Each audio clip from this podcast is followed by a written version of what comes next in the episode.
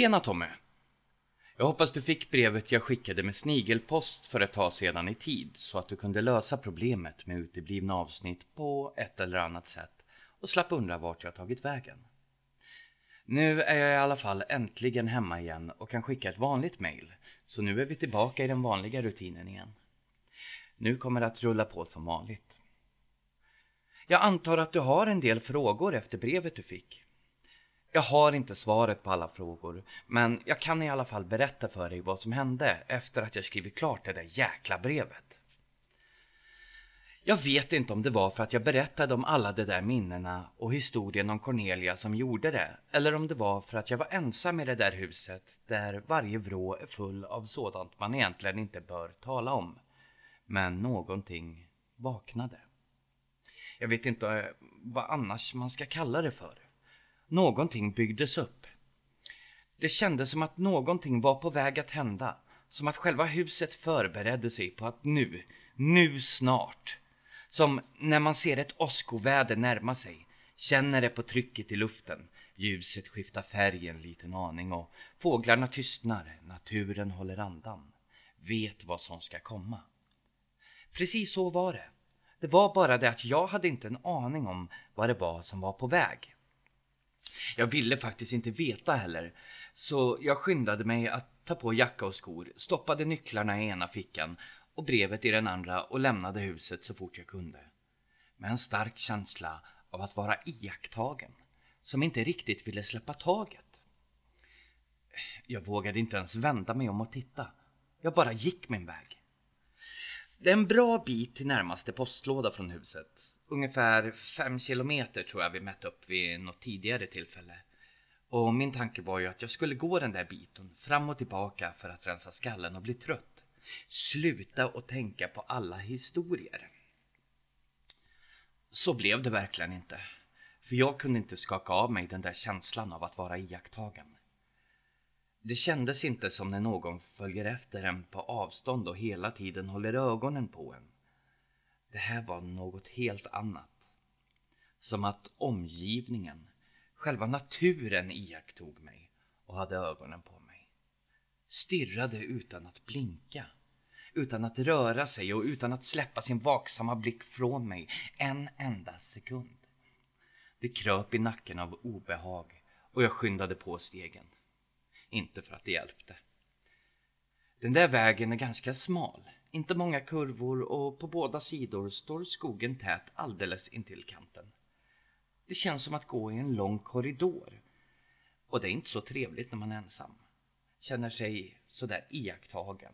Det börjar skymma och man inser att man ska gå hela den långa vägen tillbaka igen också. Jag ökade på farten ytterligare och snart halvsprang jag vägen fram. Till ingen nytta alls för jag skulle ju ändå tillbaka samma obehagliga sträcka när jag väl nått mitt mål. Det fanns liksom ingen annanstans att ta vägen. Och inte hjälpte det heller. Det kändes eh, fortfarande lika obehagligt och jag kände mig fortfarande lika iakttagen. Plötsligt kom jag att tänka på en ytterligare något jag hört om de här trakterna. Och det fick mig att tvärstanna. Här i skogarna flicka lilla. Brukade gammelfarfar Herman säga när jag var barn. Här i skogarna ska du tänka på vad som finns och vad som inte gör det. Om du känner iakttagen när du är ensam så är du nästan alltid det. Ibland är det ett djur eller en människa du inte kan se men ibland, ibland är det dem. Jagarna.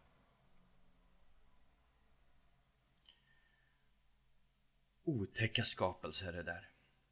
De tycker om rädsla. Livnär sig på det. Försök att inte låtsas om dem om du skulle möta dem. Då kan det hända att det går sin väg. Ibland gör de inte det och då kan man höra dem. Ljudet av knakande grenar eller en knäckt kvist. Prasslet av fotsteg genom löv eller stenar som rubbas ur sitt läge. Ljudet av någon som går bakom en. Stannar när du stannar. Går när du går. De är svåra att bli av med när de väl får tag i en. de kan jaga riktigt långt. Ibland följer de med hela vägen hem. Och det händer till och med att de går med in. Du får aldrig visa dem att du är rädd flicka. Lova det. För om man visar sig rädd väcker man deras lust att leka med sitt byte. Då ökar det farten så att man börjar springa. Och när man springer sitt allra snabbaste ökar det farten ännu mer. Och till slut kan man varken sluta springa, stanna eller ens sakta ner. Det finns de som sprungit ihjäl sig. Och det finns de som sprungit bort sig så långt att det aldrig hittar tillbaka mer. Jag trodde inte på jagarna såklart. Inte ens när jag fick höra talas om dem när jag var liten trodde jag på dem. Men som liten var jag ändå alltid lite rädd för dem. För man vet ju aldrig. Jag hade fortfarande monster under sängen på den tiden. Nu stod jag där alldeles ensam på vägen genom utmarken och plötsligt tyckte jag att jag förstod precis vad jagarna egentligen var för något. Jagarna skapas av rädsla. De kommer till liv och hålls levande av att man låter dem jaga. Utan rädsla dör de. Spring inte, sa jag till mig själv där jag stod mitt på vägen. Bara gå. Så jag började gå vägen fram igen och ansträngde mig för att gå i normal promenadtakt. För instinkten att springa var fortfarande så stark, fast jag visste bättre. Det kändes faktiskt lite bättre efter en stund. Lugnare och mer normalt. När jag äntligen kom fram och kunde lägga brevet på lådan kändes det nästan som en seger. Jag hade vunnit över jagarna och övervunnit min egen rädsla. Nu var det plötsligt inte ett dugg läskigt. Jag hade hela den långa vägen tillbaka till huset kvar jag var ganska trött i fötterna redan. Men det var inte längre läskigt. Bara jobbigt att det var så långt kvar innan jag fick vila.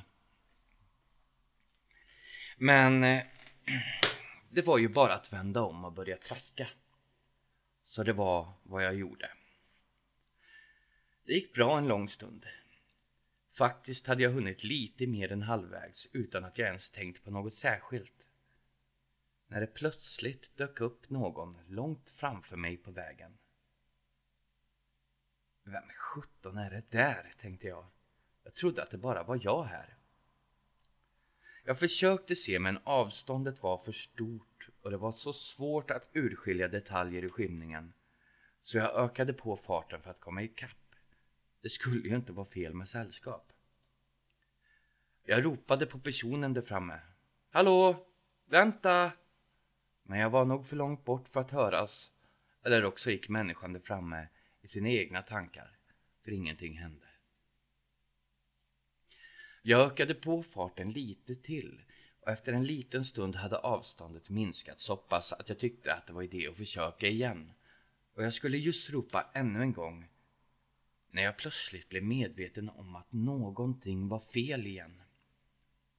Det var något som inte var rätt med personen som gick där framför mig. Men om någon hade frågat mig vad så hade jag inte kunnat svara.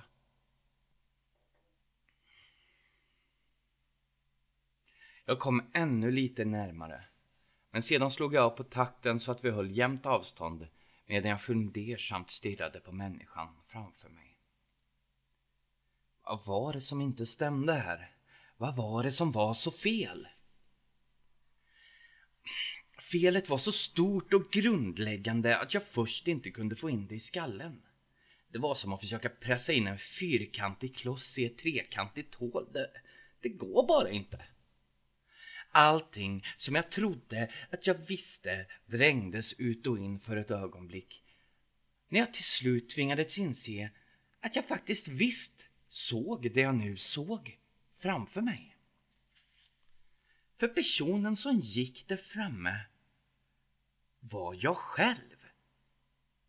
Ja, ja, jag hör hur det låter. Men jag känner ju för tusan igen mig själv när jag ser mig. Och det var jag.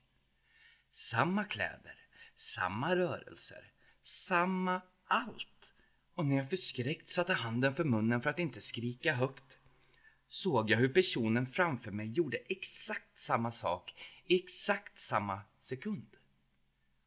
Det var som att min spegelbild klivit ur ramen och fått eget liv. Bortsett från att den fortfarande speglade mina rörelser. Stannade när jag stannade. Gick när jag gick. Stoppade handen i fickan när jag gjorde det. Precis som en spegelbild gör.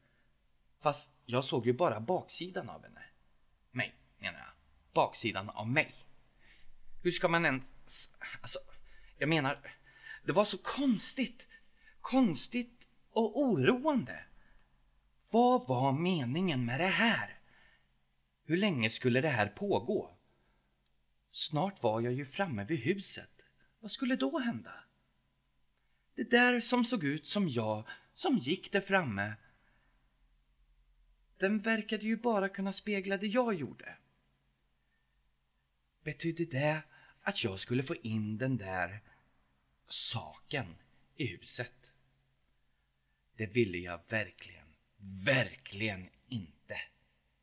Jag ville inte ens råka komma för nära den. Men den gick ju först. Så vad skulle hända när vi kom fram? Nu var det inte särskilt långt kvar alls. Skulle jag bli tvungen att gå förbi den för att komma in? Nog för att det har hänt många konstiga saker här i utmarken. Men något som det här hade jag då aldrig någonsin hört talas om. Jag vände och vred på det i tankarna medan jag traskade vägen fram långt bakom jag.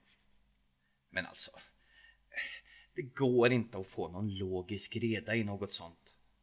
Det går bara inte. För det är inte meningen att något sådant ska kunna hända. Människan är inte anordnad på det sättet. Världsordningen är inte sådan.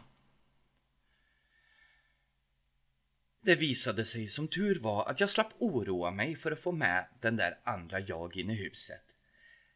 För när jag till sist kom fram vek den av på en smal stig och fortsatte in i skogen och jag kunde gå in och låsa om mig. Jag skyndade mig att tända fotogenlampan på bordet och satte mig vid köksbordet för att andas ut. Detta var den värsta promenaden jag någonsin genomlidit och jag var helt slut. Jag åt en macka som inte smakade någonting för jag var så trött och försökte få ordning och reda i huvudet igen. Sådant här händer inte. Det gör inte det. Varför det ändå hände vet jag inte. Jag kommer aldrig få reda på det heller.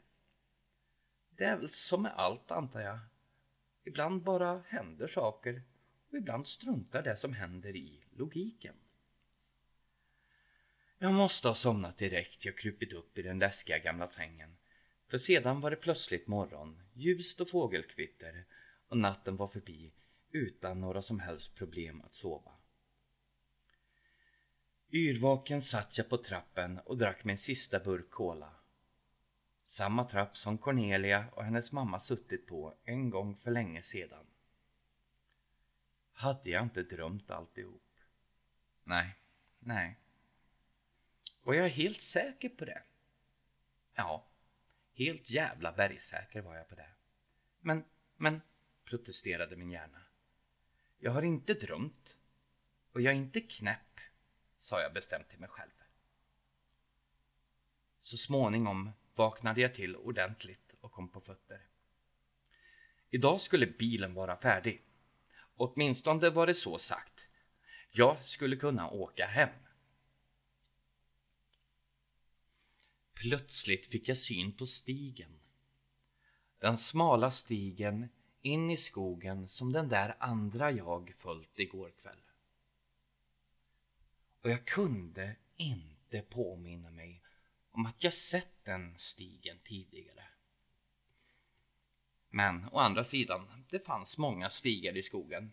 Jag hade kanske bara inte tänkt på den tidigare. Undrar vart den leder, tänkte jag. Alla stigar leder väl någonstans.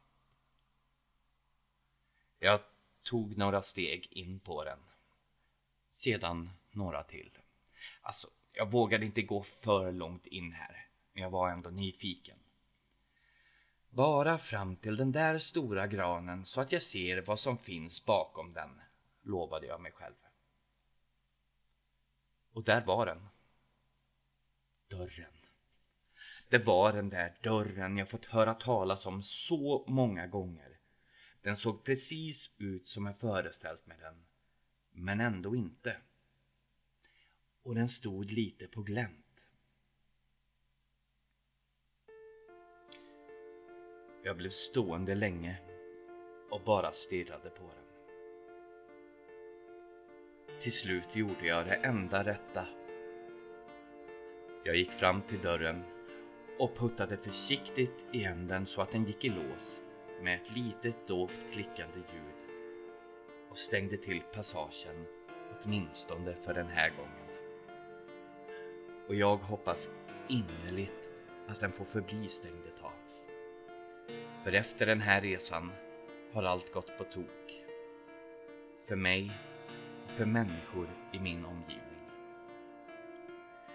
Kanske beror det på vad jag hann se innanför den där dörren innan den gled igen. Antagligen gör det det. En sak är i alla fall säker. Jag kommer aldrig någonsin att berätta vad det var jag såg. Aldrig någonsin. Inte för någon. Hör du det nu? Be mig inte om det. För du vill inte veta.